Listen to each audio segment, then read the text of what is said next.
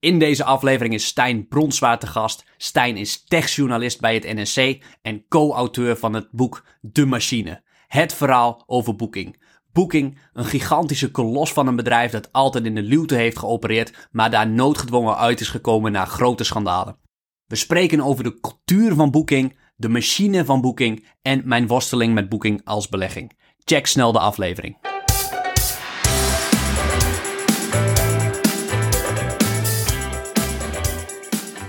Ja, welkom bij weer een nieuwe aflevering. Leuk dat je kijkt of luistert. Deze is ook op YouTube. We hebben vandaag een hele speciale gast, Stijn Bronswa. Stijn is uh, techjournalist bij het NRC, maar bovenal ook, en daar gaan we het vandaag over hebben, co-auteur van het schrijver, van het boek De Machine. In de ban van Booking.com, samen met Kooiman en Renges, schreven jullie dit fantastische boek. Heel erg bedankt daarvoor. Ik heb hem in één weekend in één keer uitgelezen. Het was ja, echt een soap, maar ik ben ook zwaar onder de indruk van hoeveel mensen jullie gesproken hebben bij het bedrijf Booking. Aanleiding... Dankjewel. Ik, ik, ik, geef, je, ik geef je zo het woord, Stijn. Ik uh, kijk heel erg uit naar je verhaal, maar aanleiding voor, uh, om, om je even uit te nodigen is... Uh, mensen vinden het leuk om een boekbespreking te horen. En ter transparantie, ik heb zelf aandelenboeking. dus de luisteraar, neem alles wat ik zeg over boeking met een korreltje zout. Want iemand die de aandelen heeft is vaak wat positief. Jij hebt geen aandelen, daar heb ik zo ook nog een vraag over. Uh, maar wat ik als eerste wou zeggen, oh de aanleiding is uh, dat ik dus aandelenboeking heb en best wel worstel met die positie. Eigenlijk om twee redenen. Ik denk dat één, de concurrentiepositie, maar één, twee ook uh, het morele bezwaar van beleggen in zo'n bedrijf, boeking, waar we het ook over gaan hebben. En vooral ook over de technische kant, want je bent natuurlijk tech reporter. Welkom, Stijn. Leuk dat je er bent. Uh, leuk om hier te zijn. Je hebt zelf geen aandelen. Dat mag niet, geloof ik. Klopt dat? Waarom is dat misschien nog even voor de luisteraar? Dat klopt. Ja, dat klopt. We hebben bij NRC een code. Uh, dat is eigenlijk, zijn eigenlijk onze gedrag, gedragsregels, zou je kunnen zeggen. En als je schrijft over een bedrijf, mag je daar geen aandelen in uh, bezitten. Omdat uh, dat de schijn zou kunnen wekken dat ik hele positieve stukken over Booking ga schrijven, omdat ik daar zelf geld aan zou verdienen. Dus ik heb geen aandelen. Nee. nee. Mag, mag je wel uh, je reis boeken met Booking? Als je op vakantie gaat? Dat mag wel. Dat mag wel. Ik mag ook gewoon een iPhone hebben. Of uh, ook al schrijf ik over Apple. Dus ik, je mag wel hun producten gebruiken. Het is ook zelfs wel goed eigenlijk, denk ik. Want zo snap je ook een beetje waar je over schrijft. Uh, dus klant ben ik wel. Uh, wel iets, ik ben wel iets veranderd, moet ik zeggen, daarin. Sinds ik over het bedrijf schrijf en heel veel van weet. Ik doe niet meer alles blind via Booking, wat ik eerst deed.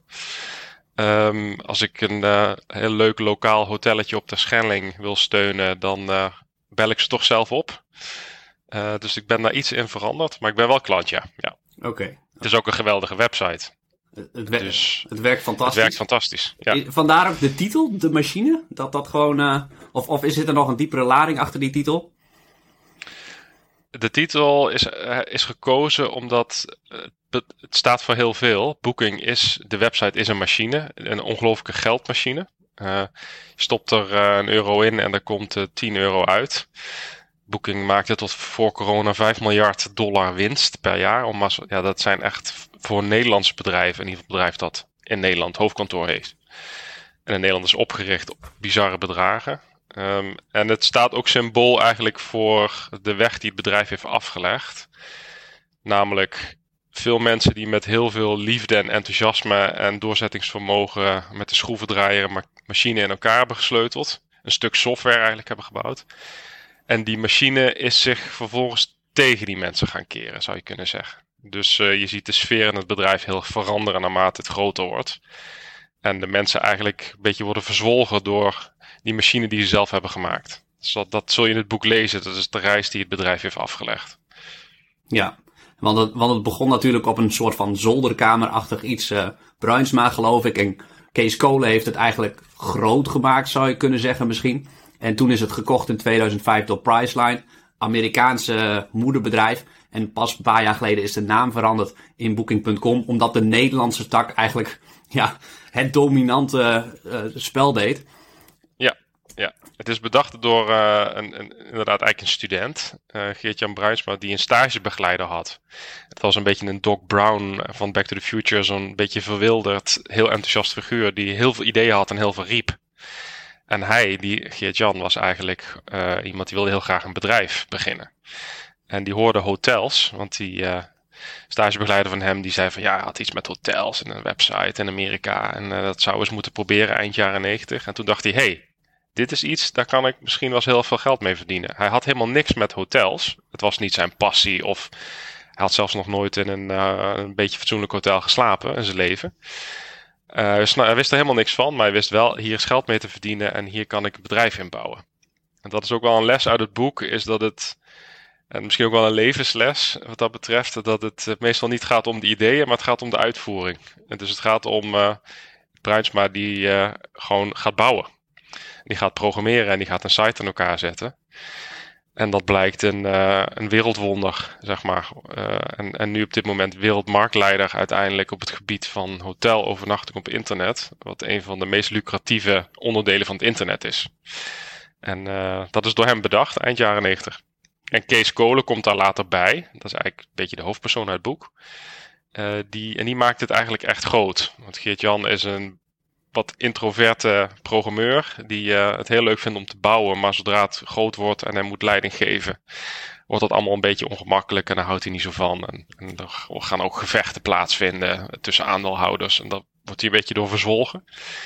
En Kees Cole is echt een hele Amerikaanse eigenlijk, uh, man met een Amerikaanse mentaliteit. Heel Brabantse boer en boerenzoon die heel veel bier dronk in studententijd en uh, zijn studie niet afmaakte, maar wel keihard werkt en uh, kan knallen en uh, heel veel risico's neemt. En die heeft eigenlijk dat bedrijf groot gemaakt. Ehm, en, en uit doen groeien tot, tot een, ja, een van de grootste techbedrijven van Europa. Ja, en um, techbedrijven op de beurs gaan nu best wel hard onderuit. Zeker snelle groeiers. Nou zou je kunnen zeggen, Booking is een, is een veel volwassener techbedrijf, want dat bestaat al zo lang. Um, ja. Booking was, was misschien wel begon heel vroeg, maar ze waren in de beginjaren zeker niet de grote dominante wereldspeler. Dus ze hebben dat op eigen houtje ja, gedaan eigenlijk. Wat, wat is daarvan het succes geweest en welke les kun je daar ook als belegger uithalen als je wil kijken van die techbedrijven nu? Welke gaan nu over 20 jaar eh, de dominante speler zijn? Zij hebben, uh, dat is denk ik wel een klassiek verhaal, maar het allemaal heel anders gedaan dan alle andere hotelsites. Ze hadden namelijk het model dat je pas afrekende als je bij het hotel was en niet van tevoren. Alle andere hotelwebsites als Expedia en, en dergelijke, die deden het allemaal anders. En iedereen zei tegen, tegen die gasten van Booking van jullie hebben het echt helemaal verkeerd begrepen. Weet je wel, dat, uh, dit is niet the way to go. Maar ze hadden zoiets van, dit is hoe wij het doen, wij denken dat dit een succes wordt. En uh, heel erg tegen de stroom in eigenlijk gaan. En dat is gokken natuurlijk. Dat is, ja, het, het kan ook anders uitpakken. Maar uh, als, je dan, uh, als dat het model blijkt te zijn, dan ben je de grote winnaar. En ze hebben een soort bedrijfsfilosofie heel lang gehad. En dat hebben ze eigenlijk nog steeds wel. Uh, met alles is afleiding. Dus we gaan niet met journalisten praten. We gaan niet uh, op congressen staan en onze bedrijfsfilosofie. En we gaan niet heel diep nadenken over wat voor merk zijn wij en wat voor cultuur hebben we. We doen gewoon één ding: hotels schalen van de ene naar de andere stad en naar de volgende stad. En, en daar stoppen we alles in wat we hebben, inclusief geld van de oprichters die dubbele hypotheken namen. Uh, en zichzelf geen salaris uitbetaalden en diep in de schulden staken om, om dat maar uh, uh, voor elkaar te krijgen. Uh, dus heel gefocust op één ding. Um, en, en daar eigenlijk alles voor doen. En ja, hoe. En zo win je uiteindelijk, denk ik. Um, mits je op het goede paard werd. Want er zijn natuurlijk heel veel bedrijven die focus hebben op het verkeerde. dus ze hebben het geluk gehad. En ze hebben ook het geluk gehad, denk ik. Dus ook een dosis geluk uh, zoiets dat Google heel succesvol werd. Kijk, hun model is Google advertenties inkopen. Dus als jij Hotel Rome intypt bij Google, kom je bij Booking uit. Maakt niet uit uh, hoe ver je doorscrollt. De eerste vier links zijn, zijn Booking. Booking geeft miljarden per jaar aan, aan Google voor advertentiegeld. Um, en dat hadden ze al heel vroeg door. Eigenlijk voordat Google überhaupt door had van dit wordt misschien wel wat met die AdWords, zo heet dat uh, advertentiemodel. Booking is altijd de grootste klant geweest. Maar goed, als Google nou niet de grootste zoekmachine was geweest, maar een ander, die een heel ander model was, dan had Booking nooit bereikt wat ze hebben bereikt. Dus ze hebben ook wat dat betreft dat geluk gehad dat Google zo is doorgebroken. Goed, dat spelletje hebben ze heel goed gezien. Als hun concurrent Expedia reclame maakte, voor bijvoorbeeld, we hebben een aanbieding Hotel Rome, zag Booking de boekingen stijgen. Want iedereen ging op Google intypen Hotel Rome, dat hadden ze op een bushokje gezien. Uh, en uh, kwamen ze bij de concurrent uit. Dus zelfs als hun concurrenten reclame maakten, had Booking financieel voordeel van. Ja, dat is natuurlijk een waanzinnig, uh, waanzinnig model als je, dat, als je dat uitvindt. Ja, ja. Ja, dat hebben, ze, dat hebben ze fantastisch gedaan. En ze konden natuurlijk toen ze klein waren nog altijd in de luwte opereren. Ze werden denk ik ook wat onderschat door hun Amerikaanse concurrenten. Dat lees je ook wel op al die congressen. Dan gingen ze daar als ja, zeg maar als boerenjongens gingen ze daarheen. En dan, uh, dat, dat waren natuurlijk de andere, de CEO's, de echte mannen uit Amerika van die, van die bedrijven, die onderschatten het wat. Toen, uh, toen is het gekocht in 2005 door Priceline. Ik denk een van de beste deals voor de aandeelhouders van Priceline in ieder geval uh, alle tijden. De marktwaarde is nu ongeveer 100 miljard van Booking. Maar nu, ja. nu eigenlijk ook sinds, sinds jullie artikelen ook in het NSC en ook um, ja, de domme dingen die ze een beetje in de media hebben gedaan. Maar tot die tijd konden ze eigenlijk altijd in de luwte opereren. Terwijl het toch altijd zo'n gigantisch groot bedrijf is. Hoe, hoe verklaar je dat, dat, dat ze zo lang zijn weggekomen met ja, best wel uh, in de schaduw opereren? Ja, dat is, dat is eigenlijk de belangrijkste vraag, ook voor ons die onder het boek ligt. Ook de reden waarom we het boek zijn gaan maken.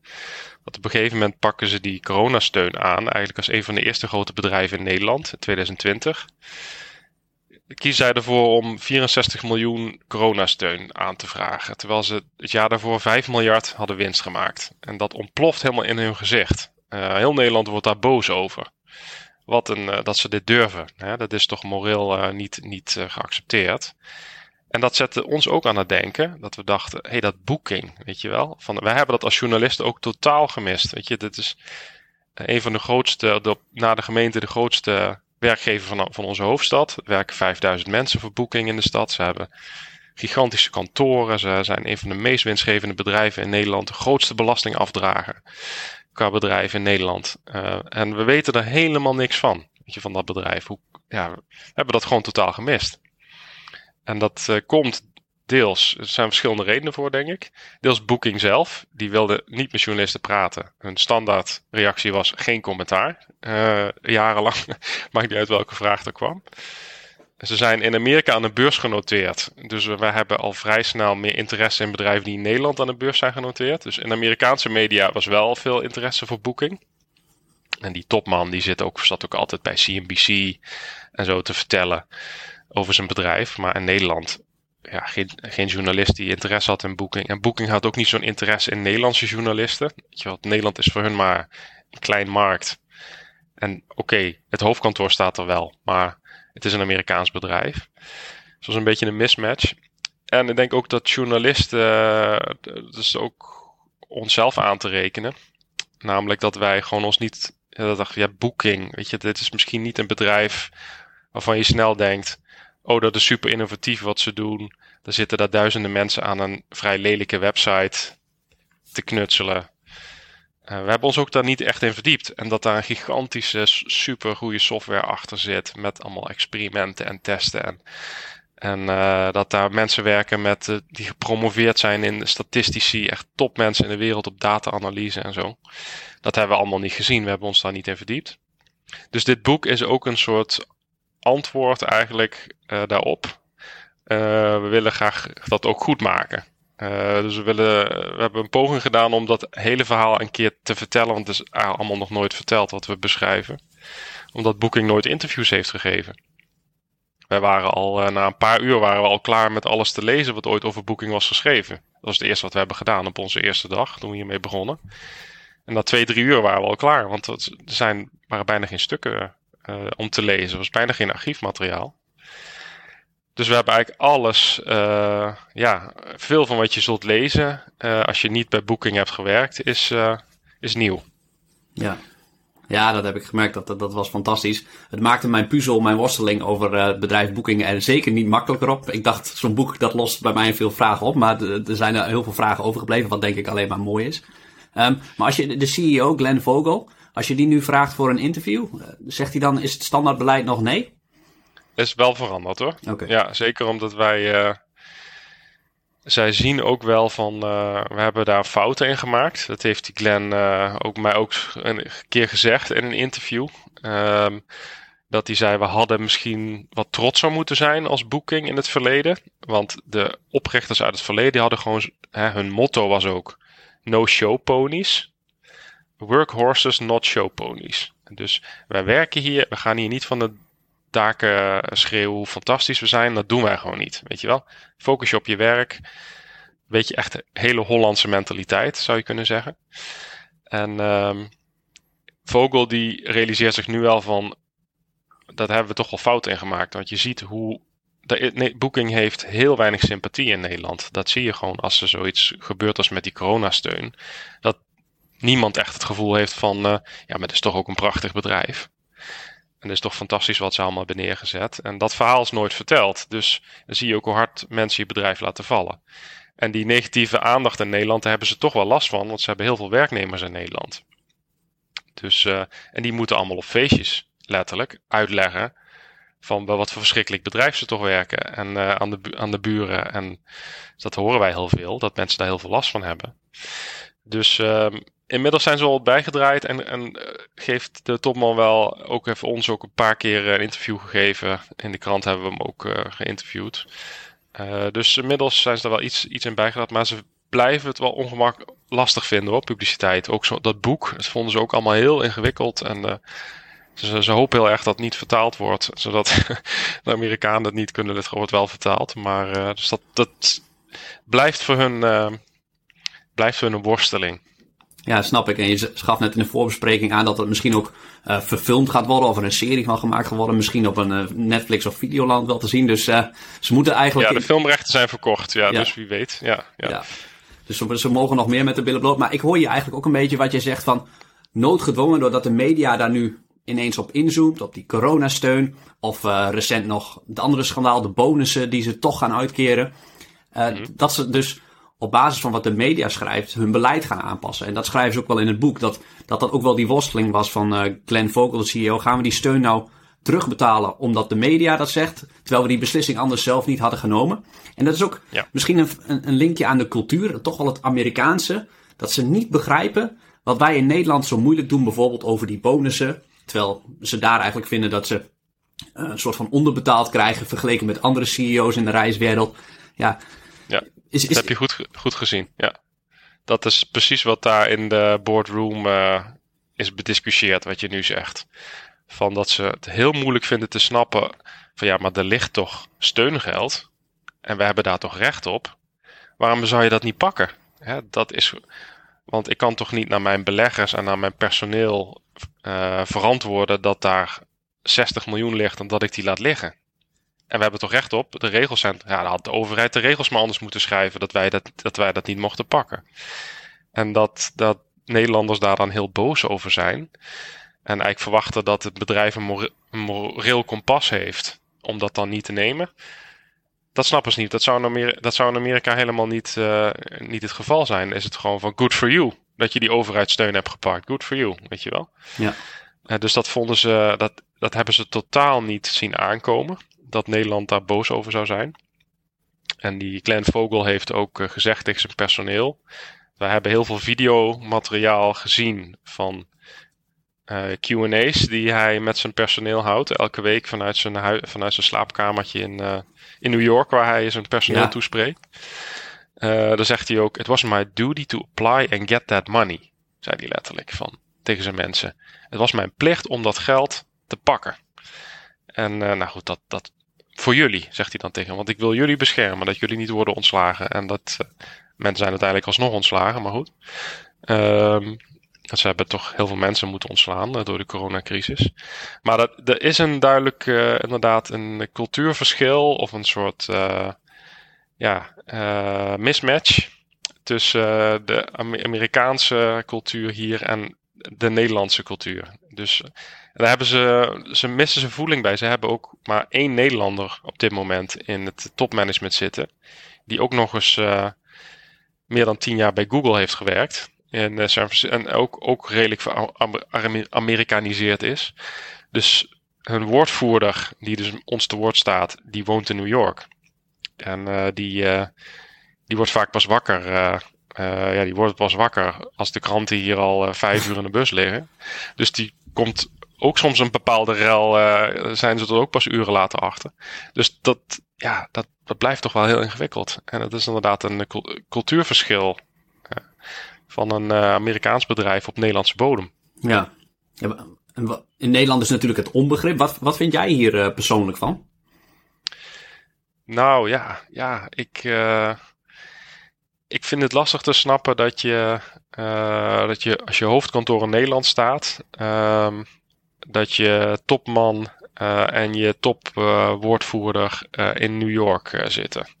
Natuurlijk is dat door corona en zo is het allemaal lastiger met, want hij, was eerst altijd twee, drie dagen in de week in Amsterdam. En nu zit hij, zit hij in Amerika vast. Um, maar ik denk dat, dat is een recept voor problemen, eh, om het maar zo te zeggen. En dat, dat zie je ook in de praktijk gebeuren. Uh, ja, tegelijk, en, en, ja, bedrijven die uh, miljarden winsten maken en, uh, en volgens heel veel overheidssubsidie opstrijken. Aan de ene kant kan ik meevoelen met Booking dat ze zeggen, de overheid had het maar anders, had de regels anders moeten schrijven dat wij het niet hadden kunnen krijgen. Ik denk dat ze daar ook een punt hebben. Mm Tegelijkertijd, heel veel andere bedrijven hebben het niet gedaan. Die konden het ook doen en die hebben het niet gepakt. Omdat ze wisten dat gaat, die publicitaire schade is zo groot, dat is het niet waard. En voor Booking is 60 miljoen, klinkt misschien raar, maar helemaal niet zoveel geld. Ze kunnen dat geld, hadden ze best wel kunnen missen. En ik denk dat ze er ook heel veel spijt van hebben dat ze het hebben gedaan. Uiteindelijk hebben ze het dus ook terugbetaald. Uh, dus dat maakt het eigenlijk nog erger.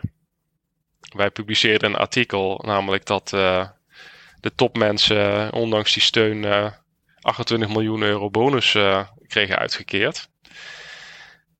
En daar kwam nog een laag aan woede overheen, inclusief uh, de minister en de Tweede Kamer en Kamervragen en uh, protesten bij het hoofdkantoor. En toen hebben ze het geld alsnog teruggegeven. Dus ze hebben en al die schade en ze hebben ook nog het geld niet, uh, niet gekregen. Dus dat is eigenlijk dubbel, dubbel slecht. dus dat, ja, dit verdient denk ik niet de schoonheidsprijs, deze gang van zaken. Dat zullen ze zelf ook ongetwijfeld niet, niet met plezier op terugkijken. Ja, nee, dat snap ik. Maar ik vind dat altijd moeilijk, want als dan de economische prestaties van het bedrijf eronder komen te leiden, dan zijn in één keer veranderingen mogelijk. Maar misschien dat ze het in de kern nog steeds wel niet echt begrijpen. Althans, het Nederlandse, maar dat het, het sensitieve van zo'n CEO die dus woont in New York.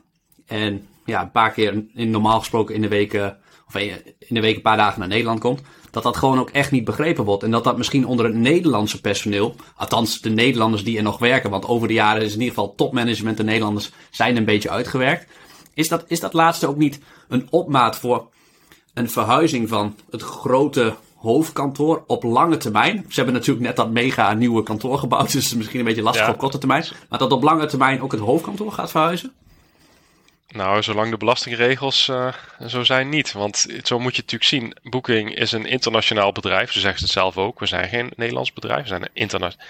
Dat klopt ook. Ze hebben 200 kantoren over de hele wereld. Uh, met het hoofdkantoor in Nederland. Maar dat staat hier omdat ze zo'n goede belastingdeal hebben met de Nederlandse overheid. Uh, Booking, elke, als een Fransman in Parijs een hotel boekt, dan wordt er in Nederland belasting over afgedragen. Dus uh, over elke overnachting die via Booking wordt geboekt, wordt een Nederland belasting afgedragen. En normaal gesproken zijn we daar heel boos over hè, als bedrijven dit doen. Maar nu het hier in Nederland gebeurt, Booking betaalt waanzinnig veel belasting. Miljarden belasting hebben ze al afgedragen in hun uh, 25 jaar bestaan hier. Uh, en dat, daar is een goede ruling, zoals dat heet, mee, mee geregeld met de Belastingdienst. En ja, zolang dat zo, uh, zo blijft, denk ik dat ze hier zullen zitten. Uh, Amsterdam is ook wel een aantrekkelijke plek voor om expats aan te trekken. En, uh, dus, wat dat, dus ik denk, en ze hebben inderdaad net voor bijna 300 miljoen euro een superkantoor in aanbouw op dit moment bij het Oosterdok, vlakbij het Centraal Station in Amsterdam. Dat is een van de grootste kantoren van Europa. Dus gaan, dat is nu bijna klaar. Daar gaan ze later dit jaar in. Als het goed is. Dus ze zitten, blijven gewoon lekker in Nederland hoor. Ja, ja. Even, even zo'n ruling uh, voor de luisteraar die dat misschien niet weet. Dat is eigenlijk gewoon dat een groot bedrijf handje klap doet met, uh, met de Nederlandse fiscus. Um, ja. Hetzelfde als ik naar de Belastingdienst bel, hey, kan ik misschien wat minder belasting betalen, dan uh, ja, blijf ik hier wonen, als het ware. ja, je, je, treft eigenlijk een soort overeenkomst uh, met de Belastingdienst. En dat zitten allemaal juristen bij en zo die dat dan allemaal regelen met elkaar. Uh, en hoe die precies in elkaar zit, dat weten we niet. Um, en Booking zichzelf altijd ook tegen mij van je moet wel opschrijven hoeveel belasting wij betalen. Want, en daar hebben ze ook een punt, want ze betalen ook veel. Maar ze verdienen ook heel veel geld. Uh, kijk, ze, ze verdienen ook 5 miljard. Uh, ja, als je 5 miljard winst maakt, kan je ook wel verwachten dat je heel veel belasting betaalt. Ja. ja. Maar goed, dus wij Nederlanders, Nederland profiteert op dat gebied wel echt heel erg van Booking. Ja. Uh, en daarom de belastingdiensten in Frankrijk, in Turkije en Italië en zo, die zijn allemaal heel gefrustreerd over Booking. Want die zien, er zit een kantoor in Turkije of in, uh, in Rome van Booking. Er werken allemaal mensen hier, heel veel hotels. En we zien er geen euro van terug. Dus er zijn, Booking heeft heel veel rechtszaken in, in andere Europese landen van belastingdiensten en fiscus en dergelijke. En maar in Nederland zijn we heel blij met Booking. Ja. De fiscus in ieder geval. Ja, ja. Nederland, uh, klein belastingparadijsje ook wel. Ja, klein weet ik niet, maar vrij groot volgens mij. Ja. Ja. Ja. ja. Nou, dit is een van die, uh, ja, van die bedrijven waar we. Wat, uh, dat vergeten mensen. We hebben, zijn vaak boos van Amazon en zo, die dan in Luxemburg zitten. En hier in Nederland geen belasting betalen. Maar kijk eens naar Booking. Uh, dat is nou, we zijn eigenlijk wat dat betreft het Luxemburg. voor Amazon zijn wij voor Booking. We zit, Booking zit in Nederland. En alle andere Europese landen zijn daar heel gefrustreerd over dat in hun land geen belasting wordt afgedragen. Ja. Ja, ik heb, ik heb wel eens gelezen dat 19 van de 20 grootste Portugese bedrijven hun hoofdkantoor in Nederland hebben. Dan, uh, Portugese bedrijven? Ja, Oké. ja, ja. ja. Maar Stijn, ik, dit, dit, is mijn worsteling. Ik, uh, ik beleg dus in een bedrijf wat uh, zuinig is met belasting betalen. maatschappelijk insensitief is, zowel met de coronasteun als de bonussen. Ik begon met beleggen vele jaren geleden met ik wil zoveel mogelijk rendement halen. Gaandeweg sluipt daarbij in van ja, ik wil eigenlijk ook met mijn beleggen bijdragen aan een betere en eerlijke wereld. Dan komen daar perspectieven bij als dat ik wil niet in tabaksbedrijven beleggen, ik wil niet in wapen, gokbedrijven beleggen.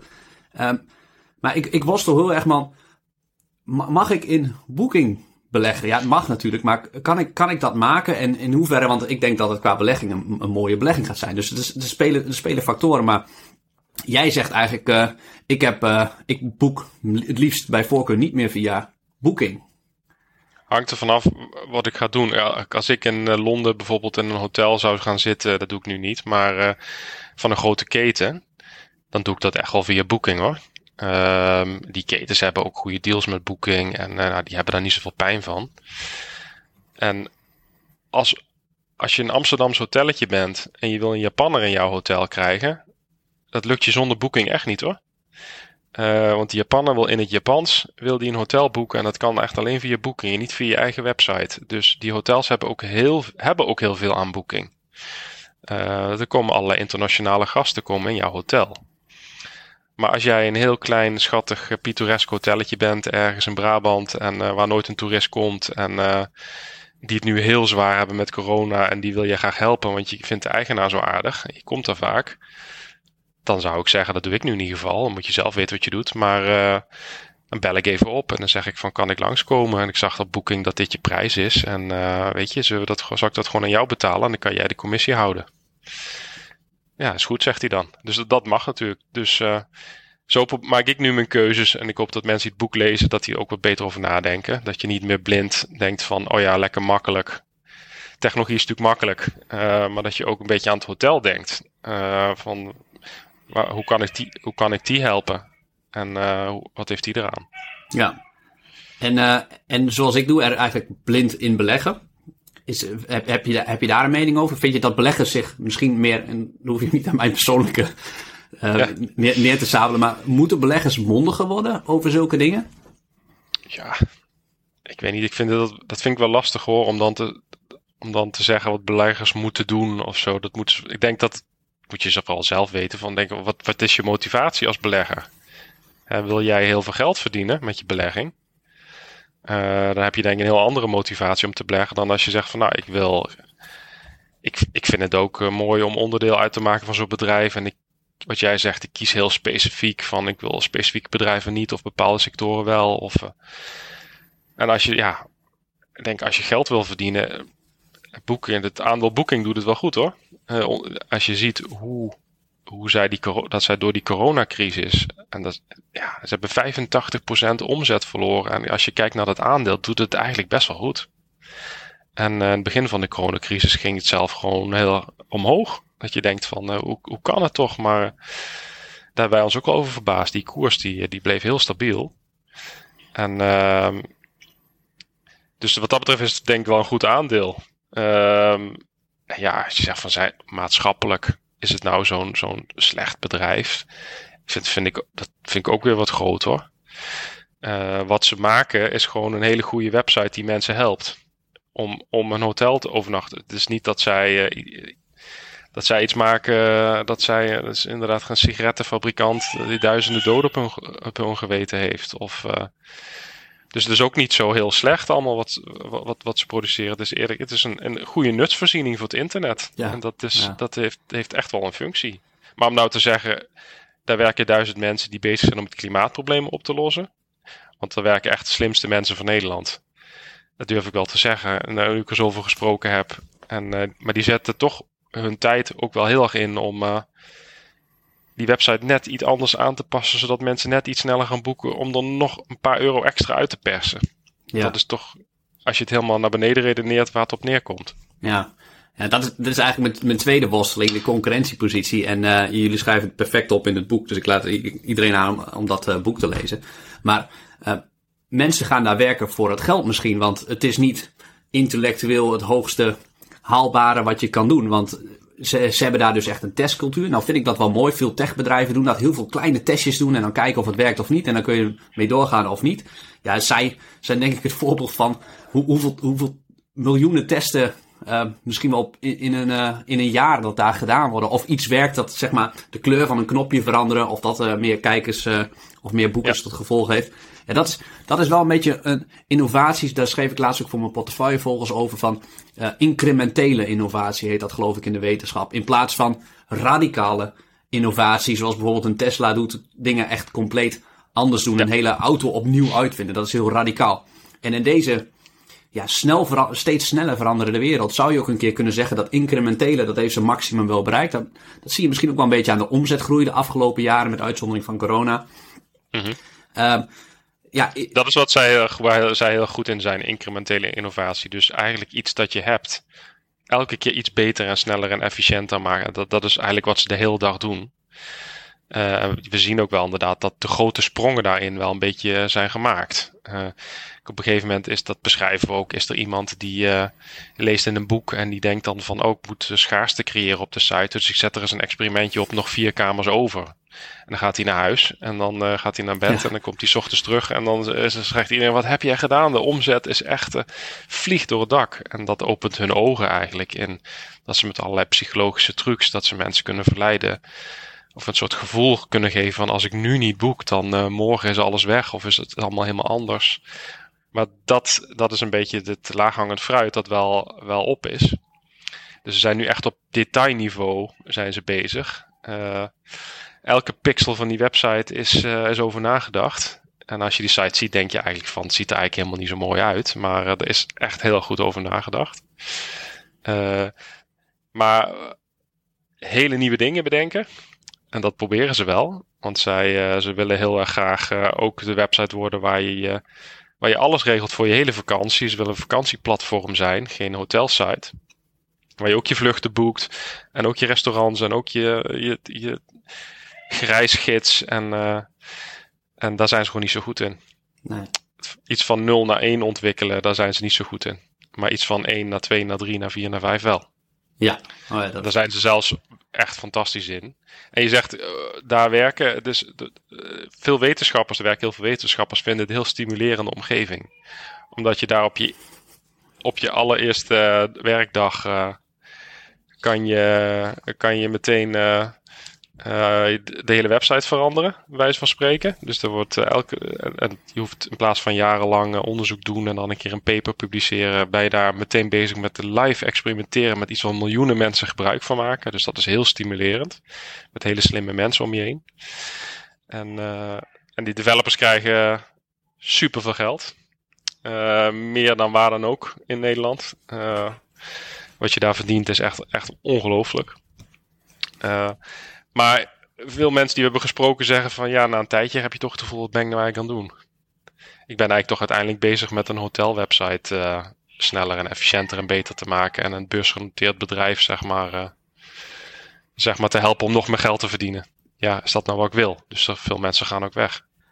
Ja, dat, dat werken voor het geld en ook uh, die incrementele innovatie, dat, dat zet misschien wel een beetje de poort open voor een concurrent die het beter gaat doen, die het radicaal al, anders gaat doen. Je bent nu de meester in deze business, maar wat jij ook al zegt, de, de connected trip, dat ze alles gaan doen, dat, dat proberen ze eigenlijk al een paar jaar. Dat lukt misschien mondjesmaat, zou je kunnen zeggen, maar ja, dat heeft denk ik alles te maken met dat je die cultuur in zo'n bedrijf niet hebt.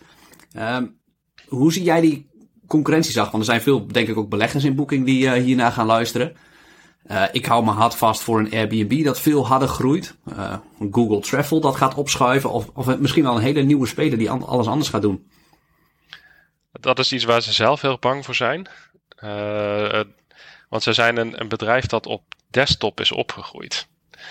ze zijn in de jaren negentig begonnen, had je, had je nog geen smartphones. Of ja, nog misschien net. Maar ehm, en ze zijn heel bang dat er een soort uh, native mobiel bedrijf komt dat uiteindelijk ze gaat verslaan. Dus dat is een soort van onderhuidse angst die ze hebben. Dat heeft hen ook heel lang gedreven om heel hard te groeien. Die angst hebben ze. En je hebt C-Trip in, eh, in, China dat heel hard gaat. En uh, inderdaad Airbnb en Expedia. En tegelijkertijd, de wetten van de platformeconomie zeggen ook van als je eenmaal de grootste bent, ben je wel heel moeilijk te verslaan. En in Europa is Booking zo dominant en zo groot. Um, probeer er nog maar eens tussen te komen. Weet je wel, dus zo kapitaalkrachtig. En, uh, dus dat lijkt me heel moeilijk voor welk bedrijf dan ook. Die markt is eigenlijk een beetje verdeeld. Uh, je ziet allerlei andere markten, er zit heel veel beweging in. En deze markt is eigenlijk een beetje verdeeld. Booking heeft Noord-Amerika en Europa.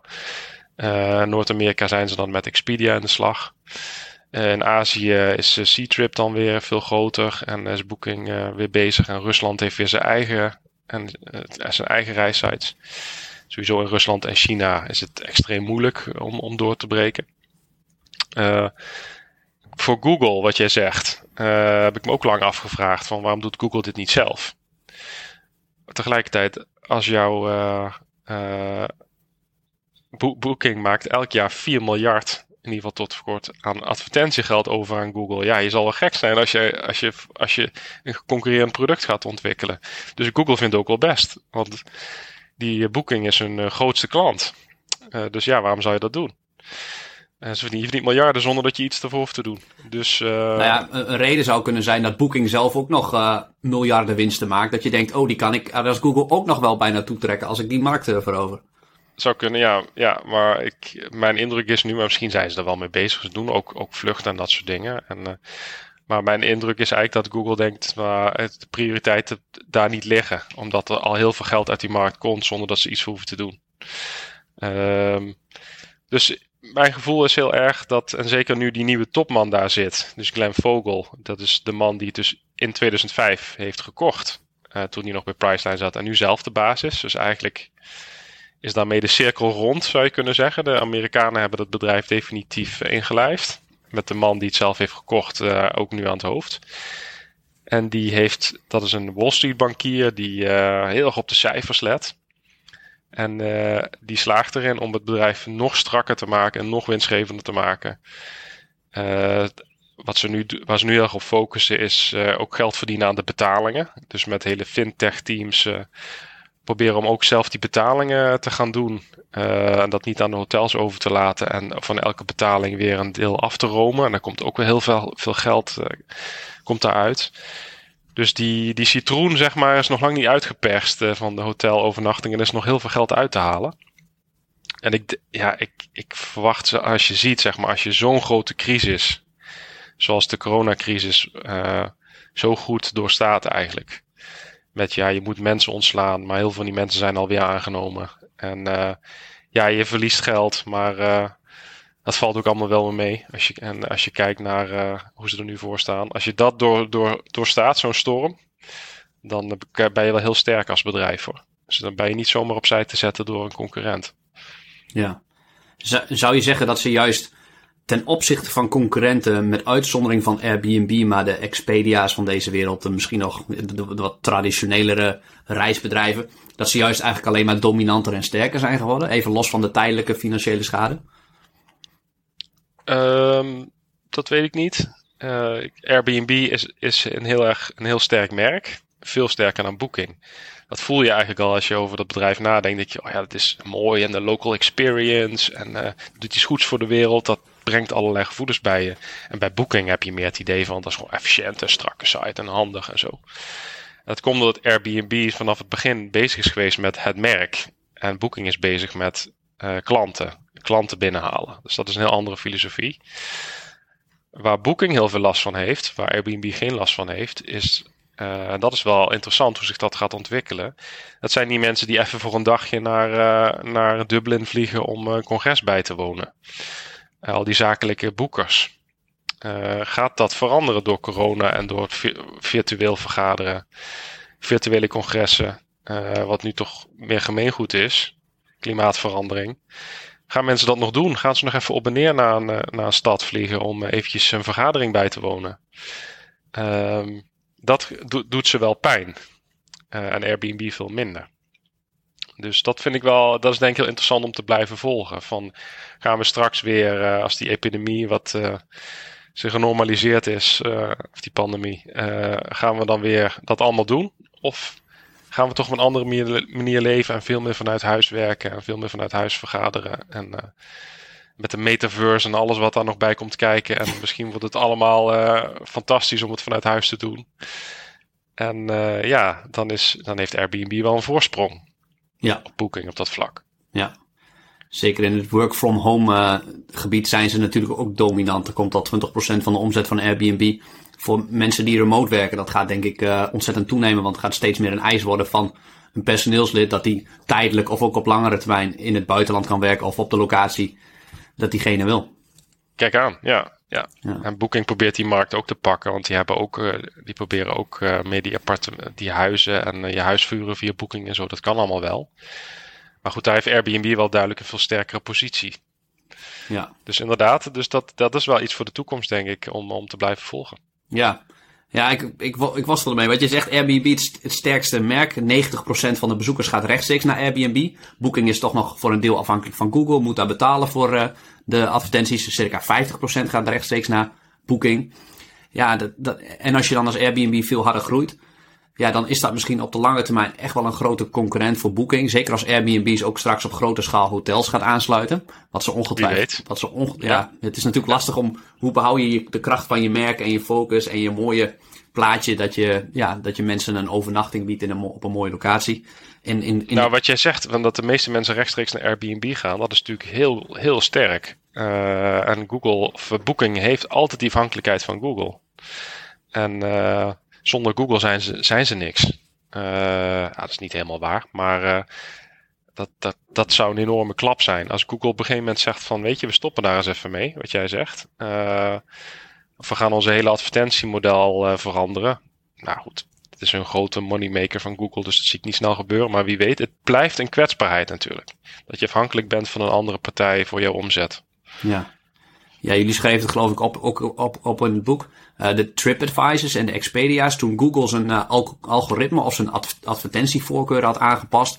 Ja, toen daalden die beurskoersen van die bedrijven met 20, 30 procent. Hadden ook echt heel veel last van, omdat de mensen die websites gewoon niet meer zo goed konden vinden. Terwijl Booking daar veel minder last van had.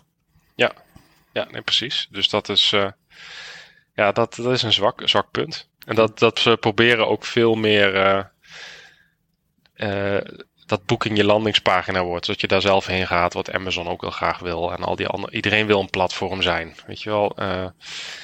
En uh, iemand beschreef het in het boek mooi, die zei van wij zijn, en Airbnb heeft dat beter voor elkaar, wij zijn geen plekken waar je kan dromen. Dus uh, wat Funda bijvoorbeeld heeft, om als wat te noemen. Dus dat je gaat kijken naar andere bepaalde huizen en, en een beetje door het duurste huis van Nederland gaat, gaat zitten browsen. En, en, en, uh, en Airbnb kan dat ook. Weet je, dat is een beetje een plek waar je ook beetje meer als een sociaal medium. Waar je blijft rondklikken, rond blijft kijken, foto's gaat kijken. En Booking is dat helemaal niet. Dat is, dat is echt een nutsvoorziening. En dat is, nog, dat is een website uit een, eigenlijk wat dat betreft, uit een, uit een ander tijdperk van het internet. Dus niet uh, het social media tijdperk. Waarin we gewend zijn om uh, in een omgeving te zijn waar je graag wil zijn. En waar je een beetje gaat rondkijken en een beetje exhibitionistisch dingen gaat bekijken. En uh, dat is waar zij mee worstelen. Van we zijn, zo'n plek zijn wij niet. En dat willen ze dus heel graag zijn. Mooi. Ja. We, we, we gaan naar het einde. Uh, ook nog een mooie rol voor jou straks, want de, de cash op de balans bij Booking begint aardig weer te groeien. Uh, zeker ook nog de komende kwartalen als de wereld weer open gaat. Dan gaan ze natuurlijk weer aandelen van inkopen waarschijnlijk. Uh, ik, ik, ik voel de mediakoppen in Nederland alweer komen. Dat dat toch wel heel snel is naar, naar alle paniek en alle coronasteun die aangevraagd is. Ga je daar, uh, ga je daar weer over schrijven?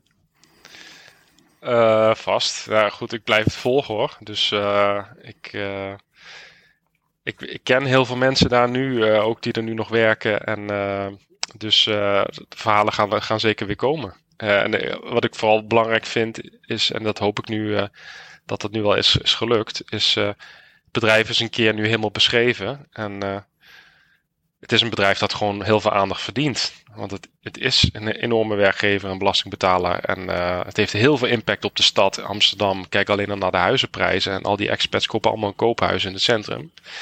En dat is ook een verhaal dat nog nooit is beschreven en verteld. En ook interessant is om te vertellen.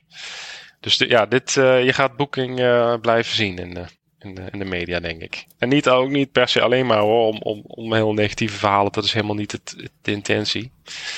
Um, ik vind het wel heel interessant wat je zegt, inderdaad, dat ze heel veel cash hebben. Wat gaan ze ermee doen? Ze, zijn ook, ze kopen ook heel veel. Ze kopen op dit moment ook heel veel bedrijven. Dat is ook heel interessant. Ja. Wat ze daarmee willen. Ja. We gaan het zien. Misschien komt er ooit ook nog wel een vervolg op het boek. Heel erg bedankt, uh, Stijn. Ook, ook voor het boek. Ja, als je een bedrijf echt wil leren be begrijpen als belegger, dan, dan voldoet een boek daarin. En zeker wat jullie qua onderzoekskwaliteit erin hebben zoveel mensen gesproken ja, dit, dit, dit is zo waar wat hier allemaal in staat. En uh, fantastisch. Jullie schrijven het ook hartstikke leuk op. Dus ik raad iedereen aan om het te lezen. Stijn, heel erg bedankt voor je tijd. Dankjewel. En luister, luisteraar graag uh, tot de volgende week.